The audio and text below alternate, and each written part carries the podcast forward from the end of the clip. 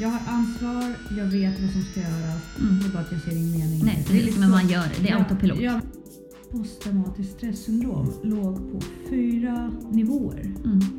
Högre hos prostituerade i Mm. nutid i USA. Mm. Alla panikångestattacker i princip triggas ju av ovisshet.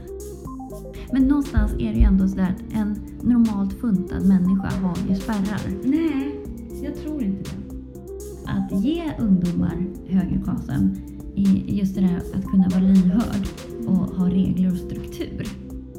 Jag tror att känslan av att någon annan lider Mm. eller försvinner eller dör Mm. eh, ägger det här mer resurser till mig. Alltså bor man här och, och följer svensk lag Ja, så är man väl svensk? Därför att det är oskönt för dem. I deras ögon är det det, för de är skumma de här farbröderna. Vad vet vi?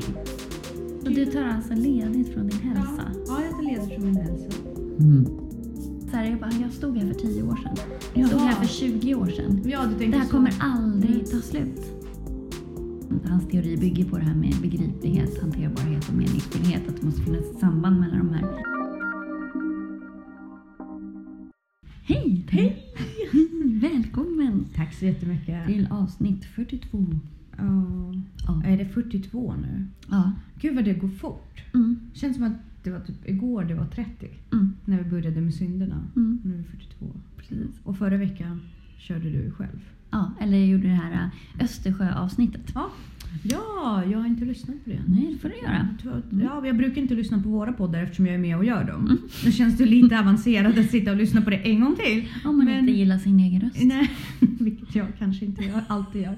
Men eh, jättegärna Mm. Ja, lyssna på det Gör det, det är viktigt. Det är jätteviktigt Absolut. Faktiskt med vårt vatten. Och vi har ju gått in på det Ja. några gånger med det här med eget ansvar och Mm. varför människor tror att det är någon annan som ska fixa det. Ja men gud, det är verkligen ingen annan som kommer lösa det. Nej, så det blir väldigt intressant att höra på det. Ja, det Mm. tycker jag verkligen. Men idag då så ska vi prata lite grann om eh, KASAM som vi har Mm. berört tidigare i podden. Men vi ska gräva ner oss lite grann i Aron Antonovsky. Och idag är ju faktiskt 100 år sedan eh, första världskriget Mm. tog slut. Eh, och Antonovskys teorier baseras ju på efterdyningen av andra världskriget. Mm. Så att det är mycket krig idag. Ja. ja, precis. Vi får, du, du, jag visste inte att det var andra världskrigets, eh, eller första världskrigets slut idag. Nej. Det fick du lära mig. Och jag försökte inte ens fejka det. Jag sa, "Ja, nej, jag, jag kan inte ens säga att jag inte minns det. Jag vet inte om det. Men eh, där lärde du mig någonting idag i alla fall, 6 november. Mhm. När vi sitter och spelar in. Ehm, sen så ska vi höra lite grann hur det går med din träning. Ja. Så att eh, vi kör. Ja. Varmt välkomna till Ansvarspodden.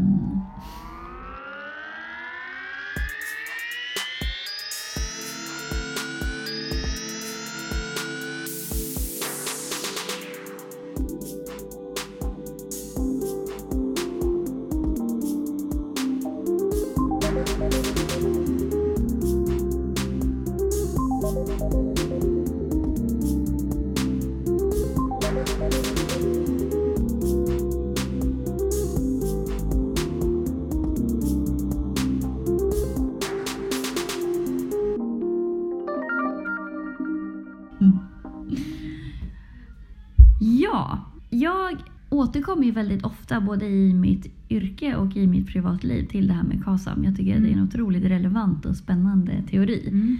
Ehm, och du har ju också stött på det. Ja. Eh, men det handlar ju om Aron Antonovsky som eh, var Israel från början. Mm. Eller han, Israel-amerikan. Ja, men precis. Eh, som jobbade med KASAM-teorin eller arbetade fram den just för att han stötte på kvinnor som hade överlevt koncentrationsläger. Mm. Och började fundera på hur det kom sig att de klarade det här så olika. Vad är det som gör att man klarar motgångar i livet på olika sätt? Och då kom han ju på det här, eller han, hans teori bygger på det här med begriplighet, hanterbarhet och meningsfullhet. Att det måste finnas ett samband mellan de här för att man ska kunna klara motgångar bättre. Och eh, jag tänkte Jag tänkte faktiskt- det där lät inget bra. Jag sitter och sipprar på mitt te och så har det där onda skrattet. Jag tänkte Nej men jag tänkte faktiskt eh, göra ett KASAM-test på dig. Okej. Ja. Eh, ska bara få fram Jag vill det. bara säga det här till våra lyssnare. Det här var ju helt oförberett. Det här är första Såklart. gången jag hör precis som ni gör. Eh, Så att jag hade ingen aning om att Jessica hade det här förberett. Testet. Nej, testet eller att du skulle testa mig överhuvudtaget. Så, Ja. nu har vi gjort det här testet. Eh, och eh, då ska vi se här. Dina poäng. Eh, din eh, totala poäng är 129. Mm. Vilket är, det är hyfsat lågt faktiskt. okej. Då kan man dela upp det på begripligheten. Eh, Jag begriper inte världen lever jo, men, men om man ser med, liksom, att man förstår hur saker, hur det hänger ihop i ens. Ja. Så, där har du ju eh, bra poäng. Mm. Eh, och eh, hanterbarhet eh, har du väldigt bra poäng. Eh, och sen så meningsfullhet. Ja, det är där det brister. Nej men den, Det, förvå- Den alltså, det väldigt- förvånar mig inte alls. den är närmast liksom, den, om den är under 30 Mm. eh, då, då är det, anses det som väldigt svagt. Men du hade 38. Ja, Så att du är ändå inom originalen. Ja, för- precis. Ja. Eh, men man skulle kunna, alltså du är inte helt stabil enligt det här Nej. testet. Så att du skulle kunna påverkas av ett trauma. Mm. Det är inte så att du reser på dig och borstar av axlarna och går därifrån. Nej. Eh, Vem gör det, jag på att säga, efter trauma? men det är ganska, alltså också så är det, men det som är, är ändå att du ligger på en hyfsad jämn nivå. Eh, vilket är positivt för det är ofta det är balansen mellan de här Mm. tre som är viktig också. Mm. Så att det är också oroväckande att vara jättehög på den ena Mm. och låg på den andra. Mm. Eh, så att jag tycker ändå att det ser, det ser bra ut det här. Eh, har man under 100 så finns det en uppenbar risk att man har kört fast i sig själv och behöver hjälp. Mm. Och det har du ju verkligen inte. Ah, Så- Fast enligt förra poddavsnittet där vi konstaterade att jag är Viktors eh, dotter Jo, och han tar hand om mig. sen att du inte är vuxen, det nej jag. Precis. Sen vi måste växa upp. Men Mm. eh, vad scorar du på ett sånt? Eh, nu var det ett tag sedan jag gjorde den här. Jag får inte heller jätte... Jag får, jag, om jag inte minns fel så tror jag att jag får ungefär samma som du får. Ehm, och jag brukar dippa på meningsfullhet. Ja.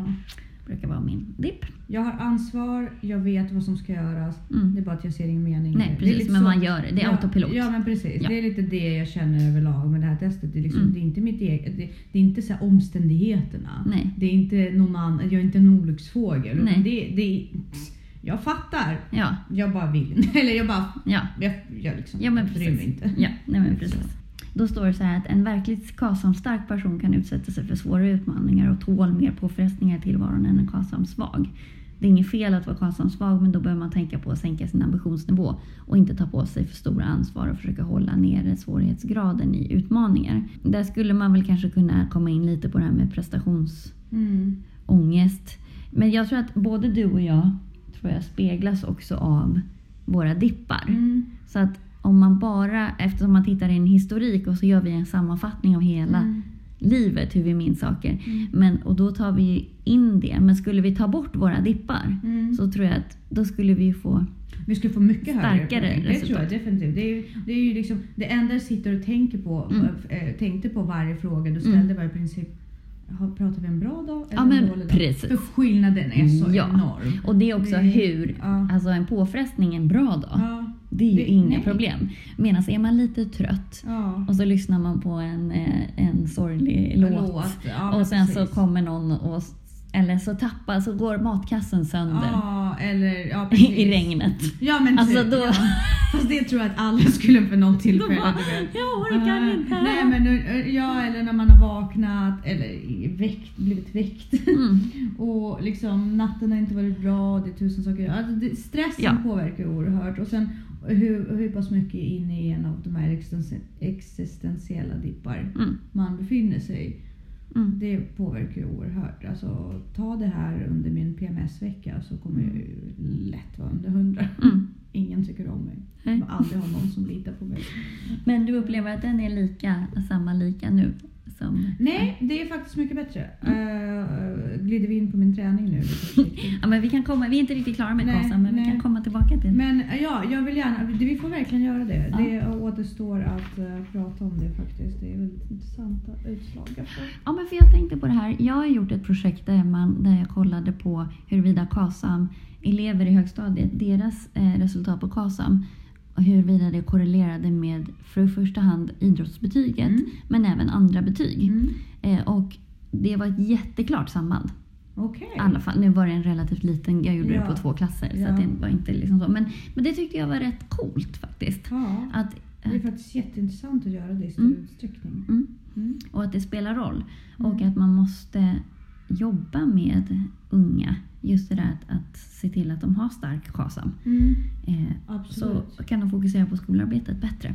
Och det här speglar väldigt mycket trygghet. Mm. Alltså hela det, Mm. det testet. Mognad, Ja, men- självkänsla. Ja men precis. Och någonstans, hur trygg är du? Hur Mm. trygg är du? Precis, och är du trygg Ja. i en grupp så presterar du ju Ja. bättre. Ja, bas- absolut. Eh, så det tycker jag är jätte, jätte eh, relevant Mm. ehm, i allt det här. Ja. Men om man tittar då på vem Aron Antonovsky var så var ju han som sagt en israelisk-amerikansk eh, sociolog. Mm. Eh, och han pratade ju också mycket om det här med salutenus. Eh, att man fokuserar på det friska. Mm. Alltså patogent är ju sjukvårdens Mm. utgångspunkt. Att man tittar på den sjuka. Mm. Alltså när du redan har fått cancer Mm. eller depression eller vad det är och liksom utgår från det. Medan han tittar mer på så här, okej, man hur ska jag göra för att inte hamna där? Ja. Vad är det som gör mig frisk? Istället för vad är det som gör mig sjuk? Mm. Det är väldigt eh, spännande och vettig inställning också tycker jag. Att Ja. man samlar på sig den här verktygslådan och tittar på vilka faktorer det är som, som gör att jag förblir frisk. Precis. När jag läste sociologi och feministiskt perspektiv inom sociologin så Mm. tittade vi på en eh, studie som eh, handlade om posttraumatiskt stressyndrom. Mm, och det är ju exakt det här Ja. han kollar på. Ja. Exakt. Och fast då, där drog de eh, två grupper. Ena var eh, posttraumatiserade soldater efter eh, Koreakriget. Mm, Och det andra var prostituerade mm, in, i USA mm, i nutid. mm, mm. Och utslagen för posttraumatiskt stressyndrom låg på fyra nivåer. Mm. Högre hos prostituerade i Mhm. nutid i USA Mm. än vad det gjorde hos de, ja, eller snittet då. då. Mm. Mest posttraumatiserade soldater. Tror att det har med kultur att göra och, och kön. För att om man tittar på det här eh, efter Vietnamkriget Mm. så var ju väldigt många led av posttraumatiska st- Mm. stresssyndrom. Alltså Ja. så brutalt hög Ja, procent. jo, men jag tror att de var så oförberedda. Ja, och Precis. Och, och det, snittåldern var ju 19. Så Ja men precis, de var oförberedda. De hade ju levt det här vackra 50-talslivet i USA. ja, Med fina bilar, hem, mammor som hemmafruar. ja, Eh, Och, och sen så in, kastades de in i skottgrav, skyttegrav, ja. lera och allting. ja, men de utsattes ju för Ja. så här hostile fire Precis. ja, varje dag. Ja, det gör man precis. inte De- i vanliga fall. De man, såg barn mm, uträtta ganska fula saker för koreaner använde Mm, mm. ofta barn. mm, De var tvungna att anfalla barn. mm, Eh, och så. så att, eh, men sen fick de återvända så det var en, eh, en företeelse som de fick liksom jobba, jobba sig ut ur. Mm. För de gick tillbaka till den här vardagen. För de hade någonting som de kunde eh, liksom ändå se. Vi har det här hemma. Mm. Vi har någonting fint. Vi Mm. har det här. precis. Men, men de prostitu- prostituerade De kvinnor har i. USA, de har ingenting. Det är deras, de har Ja men ingen- precis, de vet ju inte. Alltså Det är du i ett ingen- krig så ja. vet du ju att antingen omkommer du eller så tar det kommer- slut. Ja. Eh, det, men det kan jag göra, det känner man ju igen själv. För det är det som, som skapar mest ångest hos mig. Och triggar, alltså alla panikångestattacker i princip triggas ju av ovisshet. Mm. Alltså att det är någonting som har hänt Mm. som, som är ovisst. Eh, för det i sig skapar ju väldigt, väldigt mycket ångest. Mm. Ehm, Ja, och eh, att inte kunna kontrollera saker. ja, precis. Hos mig är det nog mest kontroll. Ja. Ja, Men det är ju ovisshet. ja, men på ett liksom- sätt. Ja, alltså det är på två si- sidor av samma mynt. Liksom. Precis. Eh, kontroll, bara Mm. saker som jag bygger upp i mitt huvud men Mm. inte relaterar till omvärlden. Mm. Och sen så blir det någon miss Ja. förståelse och sen så motsvarar inte Mm. Det, mina förväntningar Nej. det som händer och då blir jag så här. Men precis, för att då eh, i en sån akut situation som är tillfällig, då har du ju ändå en känsla av sammanhang. Att det, liksom, det, det är meningsfullt för att du krigar för någonting. Ja. Eh, det är förståeligt, eller begripligt, för att du förstår förhoppningsvis varför och, så här, och det är hanterbart för du vet att det finns ett slut. Ja, Det andra är ju mer bara någon ja form man, av liksom... man föds, man kastas in, ja, precis. eh, man lider varje dag. Ja. Det finns inget ljus i, i slutet av tunneln. Samtidigt också så man... Det finns ju alltid vägar att välja. Eh, även fast det kan vara väldigt... Ja. Alltså jo, de, det, några nej, av det dem... finns inte alltid. alltid Nej, nej, det men inte några alltid, av dem kan ju säkert, har ju säkert möjlighet att ta sig ut ur det men många utsätts ju också för missbruk. Ja men precis, Alltså, det här, som- alltså just det där att, jag menar, vad man är värd själv. Och Ja. sådär, att man inte... Nej men precis. Att, Men perspektivet på det här testet var ju att man Ja. la ju så himla ner, Ja. mycket resurser på att återställa de här soldaterna Mm. som kom hem Mm. och hade generellt Mm. lägre posttraumatisk stress som de här kvinnorna Ja, i modern tid. Ja. Liksom, det var det som Ja. var. Men huruvida, nej men alltså jag tror inte att alla kan komma ut ur en värld som de som är deras verklighet därför de har inte nej men det krävs ju en styrka. Ja. Och den är ju nerbruten. Precis. Eller så sitter du i klorna på system eller Ja. på andra personer. Eller så som, är det någon som eh, håller i droger ja men precis. tiden Ja, missbruk. och- ja, ja. Så att det, ja, det är en väldigt svår situation och jag tror att det är just det som ökar den posttraumatiska stressupplevelsen. Det är Mm. att du, Det är fast. du är fast. Liksom. Mm, det här precis. är, gilla läget. Ja. Det här, du kommer Ja. lida varje dag i Ja. ditt liv, Ja. resten av livet. Liksom. Åh, Eh, ja, men det jag jag vara tacksam för. Ja, absolut. Men vad han kom fram till då, då Antonovsky, är att han forskade på eh, kvinnor som hade överlevt andra världskriget eller förintelselägren. Mm. Eh, och han upptäckte att några mådde förvånansvärt bra Mm. och några var ju självklart då nedbrutna. Och, Mm. så, och då började han intressera sig för hur, hur det kunde, utfallet kunde bli så olika Mm. när de hade utsatts för samma sak. Så att det var ju därför han utvecklade det här. Ehm, men jag tycker att det, alltså det är helt fruktansvärt hur man... Det där är så farligt. Vad som hände under andra världskriget. Just hur man avhumaniserar människor. Mm. Och aktionerna redan alltså under kriget är det att man under ett dygn bara gick runt och bara avrättade. Mm. Det var ju liksom soldater som hade en assistent med sig som höll mag- magasinen Mm. fulla hela tiden för att bara avrätta Mm. judar. Ja, men eh, jag pratade med en person under min resa till Krakow. Jag har ju varit där två gånger. Mm. Besökt de här, både Auschwitz och Birkenau två gånger. Och det handlar ju om det här att det hände inte över en natt. Nej. Det är den här successiva eh, förskjutningen Mm. av mäns- det mänskliga värdet. Mm. Men någonstans är det ju ändå så där att en normalt funtad människa har ju spärrar. Nej, jag tror inte det. Jag tror att satt i en viss miljö Mm. De, alltså de som var normalfuntade, de blev ju skjutna själva för de ställde sig upp och sa Mm. ifrån. Ja. Och då blev ju de nerskjutna. Mm. Och efter det jag vet inte hur många andra som Nej, ville nej. agera på det. För det var ju Mm. jättemånga exempel under andra världskriget när folk satte ner foten och bara... Ja men för man undrar vad... vad det, det, det, man är ju så sjuk om man utan problem bara skjuter ner folk.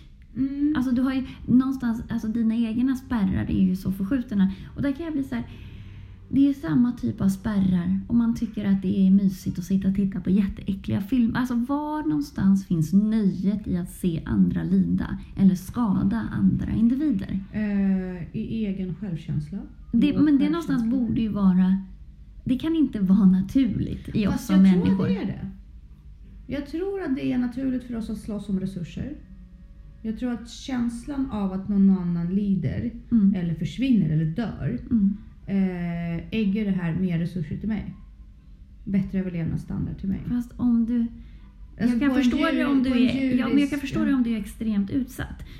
Alltså om du är jättehungrig. Eller, men om du som de här nazisterna som går hem och har fru och barn och Mm. äter och sover. Alltså då, det behovet.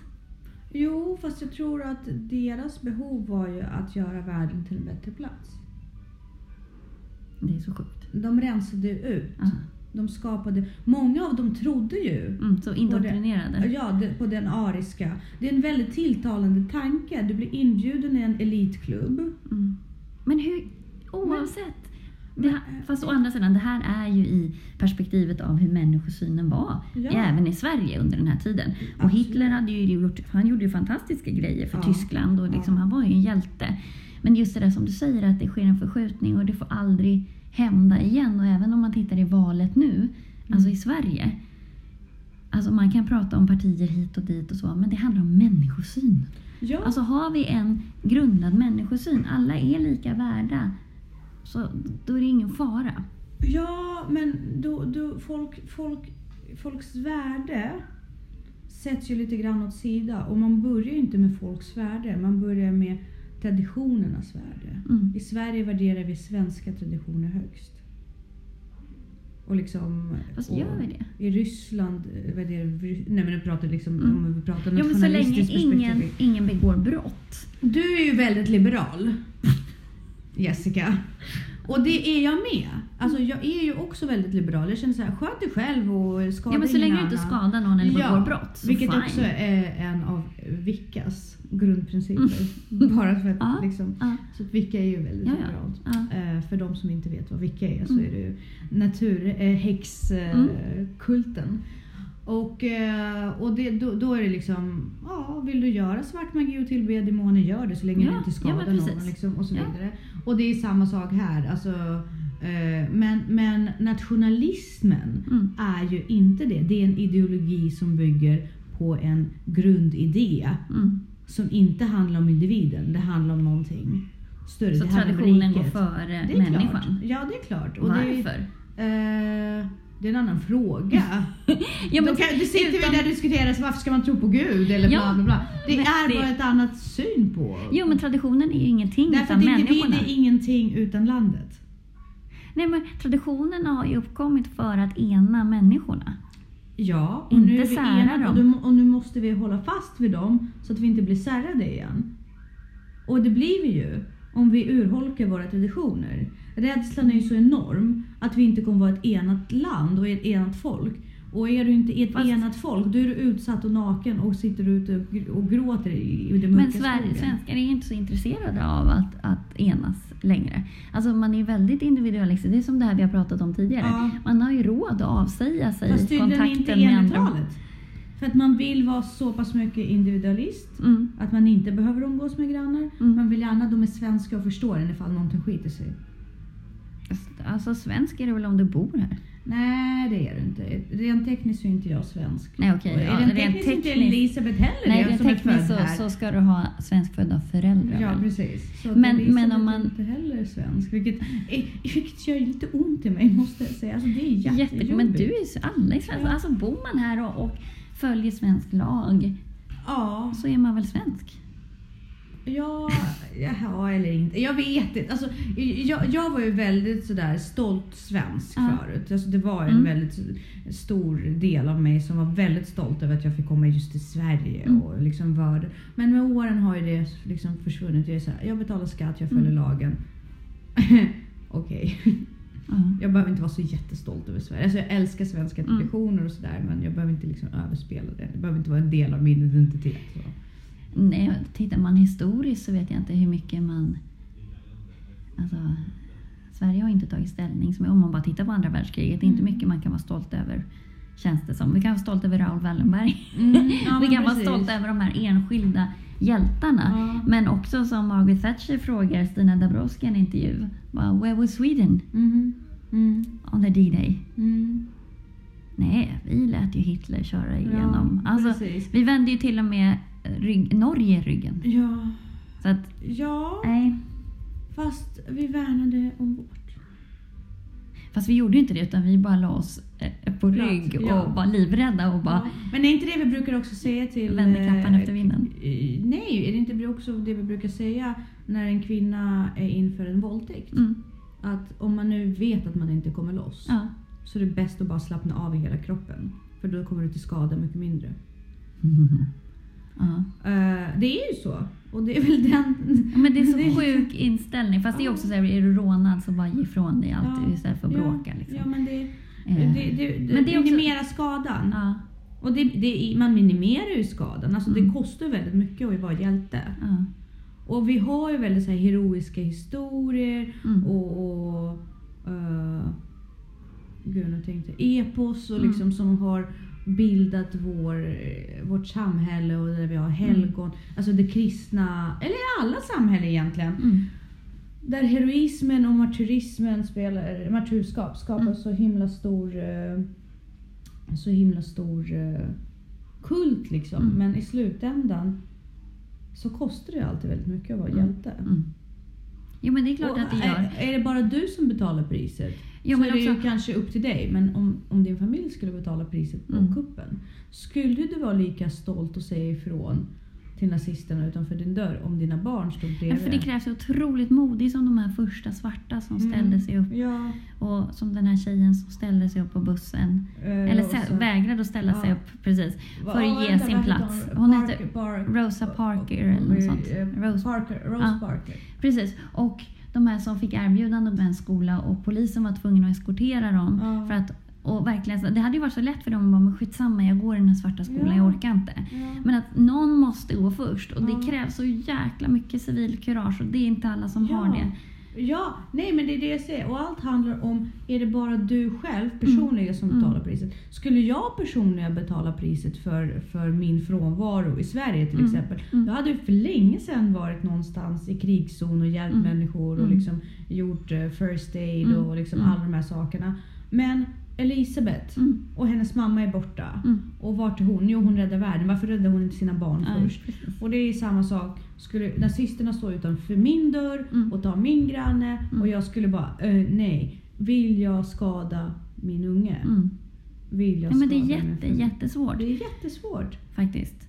Och det är som jag- du säger också att det växer fram och det gäller att stoppa det i tid. Mm. Och, men också jobba verkligen på kommunikation och en sund människosyn och värdegrund. Precis. Och att man Och- säger ifrån. Säg ifrån på den där middagen du sitter på och någon fäller en olämplig kommentar. Redan där bara, men, men hur menar du nu? Mm. Inte bara låtsas som... För att det blir jargonger och så Mm. växer det. Det, är Mm. där, det börjar ju hos en person. Mm. Och sen så blir det en kultur och en norm. Mm. Man måste säga ifrån på den där middagen. Mm. Redan där då så, så frågar man, hur menar du nu? Absolut. Det där känns oskönt. Ja, och det, det var en väldigt stor eh, slitning inför valet känner jag också. Ja. För att nu har ju det blivit... Alltså för mig är det är fortfarande SD väldigt oacceptabelt sätt att tänka på. Ja, fast jag tycker inte... Att man inte ska ignorera det. Nej, men jag tycker inte att eh, sättet som man gör det på, alltså som man bemöter SD på, tycker jag inte är demokratiskt. Nej. Men däremot, och jag tycker att man alltid kan prata. För att du Ja. förändrar aldrig någon genom att vända ryggen till. Nej. Sen så har ju de, man undrar ju varför vissa extremt osköna element som finns i det partiet, varför Mm. plockar man inte bort dem om man nu Mm. vill inte Ja, står för de ja, där precis. grejerna. För de är ju läskiga som in i Ja. bängen. Ja. Men jag tycker fortfarande att man kan mötas i frågor som man tycker som, man, som det inte är något konstigt med. Jo, men samtidigt, alltså jag pratar om hur normen förändras. Det är också att till exempel min mammas bästa vän Mm. Som är en rysk judinna. Mm. Jag har pluggat i Sverige till Ja, lärare och allt. Till lärare Mm. i Sverige. Ja. Eh, hon valde ju att rösta på dem. ja, men det är jättemånga invandrare som... Och jag vet! Ja, men invandrare har ju också lite grann den här inställningen. Nu har vi liksom, nu har vi fått en bit av det här landet, nu liksom, håll de andra invandrarna borta. Nej men det är, det är en konstig grej Mm, som... mm. Jag vill inte prata för alla invandrare, Nej. men ryska judar, i min sällskap, ska jag säga, har en väldigt stor tendens att agera så. så här, Ingen mer invandrare, det är bra. Ja, men det vet jag är likadant. Eller det har jag hört andra säga också. Mm. Att man olika... Man är liksom lite snål, man har, man har hittat en guldklimp ja, eller man i tycker världen. illa om andra Mm. Eh, utlandsfödda eller så som, som man kanske var förföljd av i sitt hemland och sådär. Så tar man med sig det. det. Eller bara svarta för att man inte är van vid att leva vid sida vid sida vid dem. och För att det är så. Mm. Som min, min Men- gamla Alzheimer-mormor. Liksom, Mm. Som tvättade äpplen efter min svarta pojkvän för hon trodde att han skulle förorena när han tog på Fast dem. så finns det ju bland äldre i Jo men jag vet, men det är Men- bara för att de är ovana. Ja, liksom. men det finns ju otroligt mycket rasism i vardags-Sverige också. Jo, Som, det alltså det, jag. Åh. Nej, men så vi förespråkar, förespråkar bara sunda normer och värderingar. Alltså människor, bra människosyn. Men, men det som hände med min mamma och hennes Mm, bästa mm. kompis, bara för att avsluta det Mm. argumentet och inte låta det eh, Det är ju att hon la ju fram jättebra argument utifrån Mm. liksom, en vanlig politisk diskussion vänner två emellan. Mm. Och då, min, eftersom det är min mammas bästis, så blir det ju så mycket enklare för min mamma att köpa det. Och hon kommer in i det bara, ja, ja, hon får ju tycka så. Mm. Jag vet inte om jag... Tills jag liksom kommer in och slår med Tor, Ja. hammaren i Ja. bordet och bara Vad fan pratar ni om? Ja. Liksom, Och det så. måste man ju säga ifrån och det absolut. är bra. Men det är inte alla som har den grejen. Ja, eller att man fastnar, man ifrågasätter inte själv. Man tänker inte på sig, Nej. men vad är det den egentligen säger personen? Nej, och det Vad är, betyder det här? Och allvarligt talat, det är inte så jättemånga som är politiskt intresserade. Nej. Många röstar väldigt mycket på ytan. Men man ju ändå om någon säger någonting som är oskönt. Jo, Alltså fast- som ett exkluderande uttalande eller Ja. en liksom... Fast vad spelar det för roll? i Jo typ men det är det som spelar roll. Kisa, Eller typ. Alltså du vet, Stockholm är väldigt mycket, det, det är så mycket, det är så in, eh, vad ska jag säga, influerad av olika Mm. kulturer. Vi lever i det hela Ja. tiden. Alltså Mm. det är väldigt blandat i Stockholm, Ja. jag måste ändå säga Ja, ja, det. absolut. det vi, vi, liksom, vi ser inga skillnad på kultur, vi är väldigt mycket individer. Eh, och, och, vi ser en hel marknad och uppsjö hela tiden. Mm. Någonstans på landet, eh, oh, gud vad jag låter generaliserande, men ändå, för jag har sett det. Mm. I, I gymnasieskolor där det bara går svenska ungdomar uppväxta på landet. Mm. Vad fan bryr de sig? Alltså egentligen, de säger ah, ja, ja, de kanske är farliga. Mm. Vill vi ha såna här? Nej, vi trivs bra utan dem. Varför skulle vi vilja ha mm, flyktingar från Mellanöstern här? Eller flyktingar från Mm. Jugoslavien? Eller för, Fast jag tycker såhär, min, den enda avgörande faktorn för mig är såhär, följer man lagen eller inte? Skadar man andra människor Ja, fast eller alla inte? gör ju inte det. Nej, nej, men, nej men precis, men det är den enda grejen. Men det, det är liksom, för varför, mig. Jag har alltid haft Svensson som granne och han har alltid hissat svenska Fast det finns ju massa Svensson som är jättekonstiga Jo, jo, men inhumana. så länge han... För jag, jag bor ju inte med honom. Nej. Så länge han har sin häck som ser ut som min häck och hans flagga ser ut som min flagga och det hänger inte 15 farbröder som kedjeröker och de grillar dygnet runt. För det är mycket sådana, alltså Mm. andra kulturer, det är väldigt normalt i andra Mm, kulturer. Mm. menar i Israel, de sitter och kedjeröker dag in och dag Mm. ut och grillar frukost, lunch, middag på grillen. Kött efter köttbit, Ja. och du vet. Och så kommer det andra farbröder och hälsar på. Och det är liksom, det är inte så svensk miljö. Det är liksom inte pikétröjor och Ralph Lauren-märken. Mm. Utan det är en annan miljö. Och man vill inte ha det bredvid sig. Varför inte det? Därför att det är oskönt för dem. I deras ögon är det det. För de är skumma de här farbröderna. Vad vet vi? Det är väl asofta att de Nej, jag hänger. vet inte. Ja, Nej, men så länge de inte begår brott eller skadar andra ja det människor. vet vi inte för de är så okända. Och de är så konstiga med sin grill. Alltså jag, ja, men Grill. så- de grillar ju dygnet runt. Sjukt provocerande. Sjukt provocerande. Och så många släktingar. Det är så folk i det huset hela tiden. Fast det är väl Varför mysigt? skriker de på varandra? Ja, det är lite oskönt. Ja, fast det gör ju vi hela tiden. Vi är den osköna invandrarfamiljen i vårt hus kan jag Mm, säga. nej. Fast det vet ju du ingenting om å andra sidan. Nej, men det som är intressant är att man kan se, om man tittar, de har gjort KASAM-test på ungdomar generellt i skolan och sådär. Där kan man ju se, tyvärr, att tjejer har oftast lägre KASAM än killarna. Eh, och att de kände mer stress över betyg och sådär Mm. än killar. Och det hänger ju, alltså det är klart att man blir mer stressad då om man har lägre KASAM. Eh, och, eh, men just det här att, att ge ungdomar högre KASAM, just det där att kunna vara lyhörd och ha regler och struktur Mm. och ge verktyg att liksom punkta upp det här med lister som vi har pratat Mm. om. Jättebra för att få ordning och reda och struktur. Eh, och just minska känslan av stress, att man får en känsla av sammanhang. Mm. Att, man liksom, att det är hanterbart. För det är ofta hanterbarheten som, som dippar hos de här ungdomarna. Mm. Och det finns massa spännande studier kring det här så det tycker jag är super. Det tror jag definitivt. Det är, en, vilket, alltså det är ju verkligen jätteintressant. Om man vill göra det här KASAM-testet själv så finns det jättemycket på nätet om man bara googlar på KASAM och Mm. test. För det är faktiskt ganska roligt. Absolut. Och vill man... Förlåt. rekommendera. Ja, men det är kul. Och vill man läsa Aron Antonovskys bok så heter den Hälsans mysterium. Den är, det är ju en forskningsbok, eller vad man ska säga. Det är ju en, Avhandling. en, ja, det är det. Mm. Jo, men det är nog en avhandling. Så den är skriven på ett akademiskt sätt. Mm. Men den är väldigt, väldigt intressant. Det är Mm. verkligen värt att läsa den från pärm till pärm. Mm. Absolut. Så jag skulle alltså, verkligen rekommendera. Det är många avhandlingar som är det. Ja. Det är inte alla som tar sig tiden och faktiskt... För att jag, jag känner egentligen att avhandlingar är ju det mest intressanta att läsa för det är ju rå vetenskap. ja. Sen kan man ju tycka att det är tråkigt eller att man inte förstår alla facktermer och att det ska backas det är ju upp av mest så mycket. koncentrerad form Ja. av information. Ja, precis. För det är där de inte kan slösa ord på ordvalsar. Om det inte är amerikanare, för de får ju betalt per ord. Typ. I sina avhandlingar? Ja, jag tror att det är så också. Att, ja. Jag håller på att läsa den här Jordan B. Petersons bok nu. Han skriver ju väldigt mycket mer än vad han egentligen skulle behöva skriva. Jaha. Men det är många amerikanska författare som gör det. Usch, för svenska är ju precis tvärtom. Ja, Alltså, verkligen. De, de, Kort och koncist. ja, Det är superkul. mm. Eh, Det är Men, som att dricka saft utan att blanda ut det med vatten. åh, det älskar jag. Och Koncentrerad saft. Ja, men bra. Ja. Men du, din träning Ja. skulle vi prata om. Vi Ja. kom in lite på det här med... Eh, jag har inte tränat på nio dagar under höstlovet. Varför inte det? Eh, jag ville inte.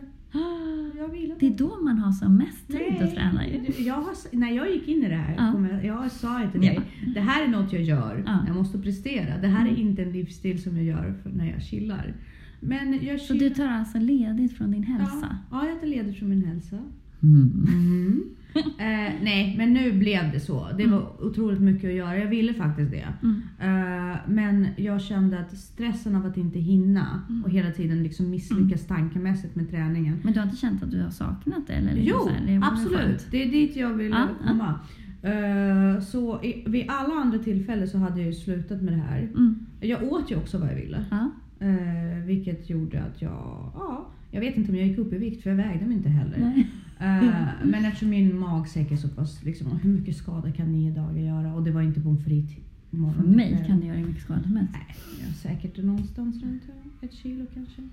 Upp eller ner. Jag skulle lätt kunna, alltså om jag inte jag ska träna och inte tänka på vad jag åt på ti- tio dagar, eller vad sa du, nio dagar? Nio Jag dagar. skulle lätt kunna gå upp till fem kilo. Nej. Jo. Nej, jag vet inte. Nej, men så, så var Jag åt ju inte godis morgon till kväll. Eller jag åt ju det. Jag åt frukost, lunch, middag, men jag kanske inte gjorde de hälsosammaste valen Nej. hela tiden. Nej. Jag åt glass två gånger. Mm. Åt väl något sött varje dag, men inte mängder. Nej, utan nej. jag unnade mig Ja. saker. Men jag överdrev inte. Jag höll mig ändå liksom tyglarna lite Mm. grann. Eh, så jag gjorde det och eh, jag önskar att jag hade känt ångest. Mm. Det gjorde jag inte. Jag önskar att Jag, eh, nej men att du vet att jag blev såhär, nej men jag måste. Ja. Nej, jag lät mig själv vara. Jag behöv, Mm. Min kropp behövde återhämtning, min själ Mm. behövde återhämtning. Uh, måndag, igår alltså, Mm. var det på med joggingskorna skorna Mm. och ut och springa. Mm. Och det var liksom, jag vet inte om jag gjorde min bästa tid. Jag satte inte ens på run. Uh, Nej, annars kan det ju vara så när man har vilat. Ja, ja men precis. Nej, men jag, bara, jag, Mm. jag kände att jag brände de vita kolhydraterna. Mm. Jag hade ju så mycket Mm. energi när jag sprang. Jag har mycket lägre idag. Mm. För jag har gått eh, över till... eh, Mm. Jag ska faktiskt köra en eh, 21 dags sockerfritt helt. Så nu har, jag, ja, nu har jag inte kört eh, socker på de här två dagarna. Det har gått bra. Mm. Eh, mycket protein. Eh, Mm. Jag kan berätta Mm. lite om kosten sen. Och, och idag har jag joggat och styrketränat. Eh, så att jag är tillbaka och jag känner att jag har drevet nu och kraften och orken. Mm. Och, liksom, och jag behövde den tiden. Mm. För jag menar, det var en väldigt drastisk Mm. förändring. Mm. Så att jag gav mig de här dagarna men det är liksom hellre att jag har såna Mm. perioder än att jag har perioder när jag tränar. Mm. liksom, Ja, ja, sen, precis. Absolut. Om jag ger mig själv lite semester, Mm. ja, fine, man behöver inte vara extrem med det. Nej. För då tappar man tror jag det i längden. Ja, precis. Du måste ju kunna känna att du har någonting att åter... Eller ja, att det tar slut någon gång. Ja. Eller liksom att man får en paus någon Ja gång. men eller så. precis. Det, annars- gud, det vet jag när man har stått överspäkt på Snäsbacken liksom och bara insett så här, det här kommer aldrig ta slut. Mm. Hur många, vilken gång var det då du stod upp? Nej men det, alltså så här, jag, bara, jag stod här för 10 år sedan. Jag stod här för 20 år sedan. Ja, du Det här så. kommer aldrig Mm. ta slut. Det Ja. här tränandet Ja. och det här jobbet. Ja. Det kan ju... Det är extremt sällan jag känner så, men just när man, då blir man ju Ja. verkligen så här, herregud. Det är lika jobbigt liksom. Mm. Ja, så är det. Men jag inser ju också att det här är någonting som jag vill behålla och därför måste jag behandla. Jag får liksom inte överkonsumera det. Nej. För då kanske jag går sönder. För min kropp behövde verkligen Mm. det. Jag kände Mm. att min kropp behövde den vilan. Mm. Och mitt psyke också. Mm. Men det är helt rätt. Men ja, helt tillbaka. Mm. Och protein, ägg, eh, broccoli, spenat, Mm. kycklingfilé, torskfilé. Mm. mellanmål, tydliga mellanmål liksom. Samma tider på, Mm. dy- liksom på dygnet Mm. och inga socker nu. 21 dagar framöver. Mm. Men har du, har du fått någon effekt på psyket och PMS Ja. och sådana saker? Absolut, jag mådde psykiskt sämre under de här nio dagarna. Mm. Det var ju så. Mm. Jag fick ju öka dosen av antidepressanter. Mm. Eh, fick jag göra vid dag tre. Mm. Och jag visste att det hade med träningen Mm. att göra. Det, det Mm. var väl liksom påtagligt. Mm. Eh, jag blev mer rastlös. Ångesten var krypande Mm. hela tiden. Mm. Den var liksom där. Mm. Eh, absolut. Det hade sina, min, min mentala hälsa har blivit mycket bättre. Mm. Det är så intressant, det är så häftigt. Mm, ja, det, man tror ju inte. Mm. Men du har fått effekt på PMSen också, för jag kommer ihåg att Ja. vi pratade om det i början. Ja, Innan du satte jag. igång. Definitivt. Ja. Eh, Alltså, det är så coolt. Ja, det är väldigt, väldigt coolt. Och jag, eh, Viktor, eh, är ju... Han, han säger ju att han märker otroligt mycket Mm. hur hela jag är Mm. när jag tränar. Mm. Jämfört när jag inte gör det. Han Mm. märker ju att till och med min hållning blir så att Mm. jag går in i mig själv och bara. Ja. liksom sitter och fräser. Medans Jo men för det påverkar ju självförtroende och hur man trivs i sin egen kropp och Ja. sådär. Så att det. Så ångesten är egentligen byggen, den bygger på hela dagen hos mig. Mm. Och sen släpper den när jag tränar. Mm. Och det, min ångest är som högst när jag ska ut genom dörren. Jag, jag börjar ju jag försöker ju börja. Det är Jag vet. optimum. För Ja. då är jag liksom clean. Mm. Annars Precis. så, ja. Jag tror fortfarande det inte jobbigt. att liksom, det är om någon håller Elisabeth utanför en stup. Liksom, Mm. Hängande från en stup och säger gå upp och träna. Ja. Det är inte då jag kommer göra det. Mm. Nej, då kommer jag göra det. Men, eh, men det är otrolig skillnad mentalt. Andningen Mm. har ju gjort att jag älskar ju inte att springa fortfarande. Nej, men det det- är ingenting jag hatar längre. Nej. Men det tar ju Därför ungefär att- tre månader Ja. att komma in i och tycka att det är okej. Ja, för att ja, och en väldigt stor del av det är just andningen. Mm. För när problem, alltså det största problemet, när det verkligen inte gör ont längre Nej. och andas Mm. och du känner att du klarar av. Mm. Då kan du tänka Mm. när du springer, för det Mm. kunde inte jag Nej, förut. för när man bara hör så här. Ja, Det är som när man och springa utan lurar på ett Lidingölopp till Mm. exempel. Man får ju panik. Alltså, man undrar ju, man tror ju att alla ska falla ner och dö runt omkring en. För att folk, det är så många som andas som om de håller på att få en hjärtinfarkt. Redan efter en kilometer. Så att, eh, ja, nej. ja och så men, en själv också ju själv. Jo, jo, men ja, det, det, och det var ju sådana grejer som hände när jag först började. Men Mm. nu har det släppt och nu kan jag njuta av en ljudbok. Mm. Faktiskt, vissa, vissa kilometer bara försvinner utan att Ja, tänker på och då det. blir det det här meditativa Ja. och då blir det en mental återhämtning. ja. Att det är som en meditation och det är också en plusgrej med, Mm. med löpning till Mm. slut. Att det blir faktiskt just också för att detoxa från alla Mm. skärmar och alla Mm. sådana saker. Och när man promenerar eller springer, det är mycket som faller på plats. Så Mm. jag har ju jättemycket inre konversationer Mm. och konversationer löser konflikter också med andra. Att jag liksom får sagt det jag vill ha sagt eller att jag Ja. liksom spelar upp olika scener och sådär. Jag, Jag börjar toucha det. mm. Jag börjar se att det finns där. Ja. För förut fanns det inte där. Nej. Och Förut då när man är arg så bara Mm. sticker man ut och springer Ja. så är man lite lugn när man kommer hem igen. Ja, och det, det tror jag är definitivt. Det hade jag väldigt lust att göra när vi var med husbilen i Vimmerby, fyra personer inträngda i en husbil. Då Ja. önskade jag att jag hade mina tights med mig. Men det var så himla... Alltså det är så fruktansvärt mörkt Ja. ute på landet. Ja. Det är helt sjukt. Ja, det är det faktiskt. Det är som, Ja. ja. men om vi åker till Sandhamn nu. Ja. Det är mörkt. Ja. det är svart. Ja, Det är jättehäftigt när det inte finns några gatubelysning, Ja, men det ingenting. så- det blir så mörkt. annorlunda från Stockholm. Mm. Jag, tror, jag tror sällan att jag har Mm. sett så Mm. mörker. Och så stjärnklart är det också. Ja, det är det. Det är Vackert. coolt. Ja. Mm. Men det är där jag är med min träning. Ja, att, så eh, roligt Ja, faktiskt. Jag tycker att det är jättekul. Det är super. Och vi ska kolla på ditt program för nu har jag haft det några veckor. ja Jag ska göra- ändra det lite grann också. precis. Precis. Vi ska ändra. Du ska få se lite grann eh, vad jag har åstadkommit. Det är vissa problem jag har. Jag känner att min magträning är inte alltid optimalt för att jag känner att jag jobbar mer med ryggen än vad jag gör med core. Ja, ja, men core är ju ryggen också. Jo, Och oftast är ju rygg, men då kanske jag gör rätt. ja. Mm. Ehm, jag är ju svagast, min svagaste länk i core Mm. är midjan, Mm. rygg. Alltså Mm. inte mitten av ländryggen Mm. men ute i liksom Mm. de musklerna som sitter i sidan där. Eh, så att där får jag ju alltid, där känns det ju mest. Mm. Eh, så att det, men vi ska kolla det. Så det beror lite på hur. Men gör man en ren magövning så ska det ju kännas i magen. Men gör du en Mm. coreövning så kan det kännas det kan kännas i ryggen, det kan kännas i magen, det kan kännas i höftböjarna, Mm. det kan kännas i bröstkorgen. Sen vill jag ha någonting som bygger sidor. mm, För nu tycker jag att jag börjar få definition i Ja, mina rutor. precis. Faktiskt. Ja men då ska du göra de här sidoplank Ja, ah, häven. När man ligger, ja. precis, står i en sidoplanka och så bara går upp och ner med höften. Men, Ja. Det är Ja, väldigt jobbigt. väldigt jobbigt. Alltså, ja. Annars så tycker jag roligast att träna rumpan för den är enklast. Ja, det tycker ju de flesta tjejer. Ja, ja men det, det, det är ju inte svårt. Nej, och det ger ganska mycket resultat. Också, ganska så snabbt. Ja, så Verkligen. jag har lagt till lite rumpövningar Mm. som jag kör. Bra. Det är kul. Mm. Eh, det är där jag är och uh, matmässigt som sagt eh, försöker hålla mig till den listan. Mm. Uh, en avokado försöker jag konsumera fem gånger i veckan så Mm. gott jag kan. Mm. Broccoli har åkt ner lite. Mm. Jag vet inte.